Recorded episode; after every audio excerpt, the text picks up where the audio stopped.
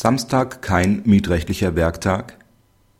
Die Wohnraummiete muss regelmäßig am dritten Werktag eines Monats gezahlt sein. Der Samstag soll allerdings nicht mit einzurechnen sein.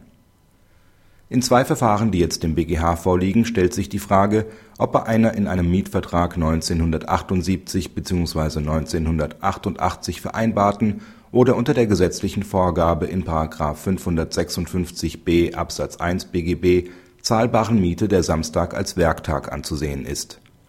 In beiden Fällen wird den Mietern unter Einbeziehung eines Samstags als dritten Werktag eines Monats wegen unpünktlicher Mietzahlung von nur ein oder zwei Tagen nach vorheriger Abmahnung gekündigt.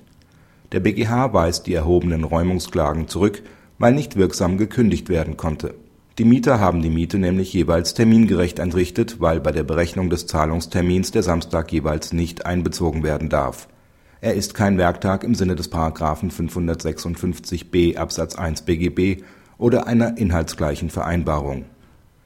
Der Gesetzgeber wollte im Rahmen der Mietrechtsreform mit der gesetzlichen Festlegung des Zahlungstermins auf den dritten Werktag eines Monats einer weit verbreiteten Übung entgegenkommen. Die den Vermieter begünstigende Vorleistungspflicht wird durch die Karenzzeit von drei Tagen zugunsten des Mieters wiederum abgemildert. Sie muss ihm aber im vollen Umfang zur Verfügung stehen denn sie soll sicherstellen, dass auch bei einer Lohn oder Gehaltszahlung am letzten Tag eines Monats die Miete pünktlich überwiesen werden kann. Da die Überweisung der Miete erfahrungsgemäß über Bankinstitute abgewickelt wird, nimmt dies einige Zeit in Anspruch. Da Banken jedoch nur von Montag bis Freitag arbeiten, geht dem Mieter ein Tag dieser Schutzfrist verloren, wenn der Samstag als Werktag angesehen wird. Kritik Der Meinung des BGH ist zu widersprechen. Sie ist weltfremd wenn der Mieter bis zum dritten Werktag die Miete zu zahlen hat, muss er alles unternehmen, um dies sicherzustellen.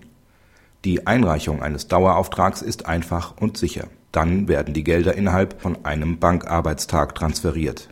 Der Vermieter mag zwar keinen Anspruch auf die Einrichtung eines solchen Dauerauftrags haben, darauf kommt es jedoch nicht an, denn es ist Sache des Mieters, die pünktliche Zahlung sicherzustellen. Mit einem Dauerauftrag ist ihm dies möglich Zudem wird durch das Gesetz definiert, was unter einem Werktag zu verstehen ist.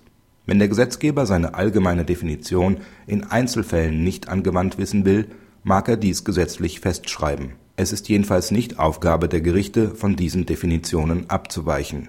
Wenn der Mieter keinen Dauerauftrag einrichten will, muss er notfalls den Weg der Barzahlung suchen, um eine pünktliche Leistung zu gewährleisten er kann einen Barbetrag auch unmittelbar auf das Konto des Vermieters einzahlen und damit eine termingerechte Leistung ermöglichen.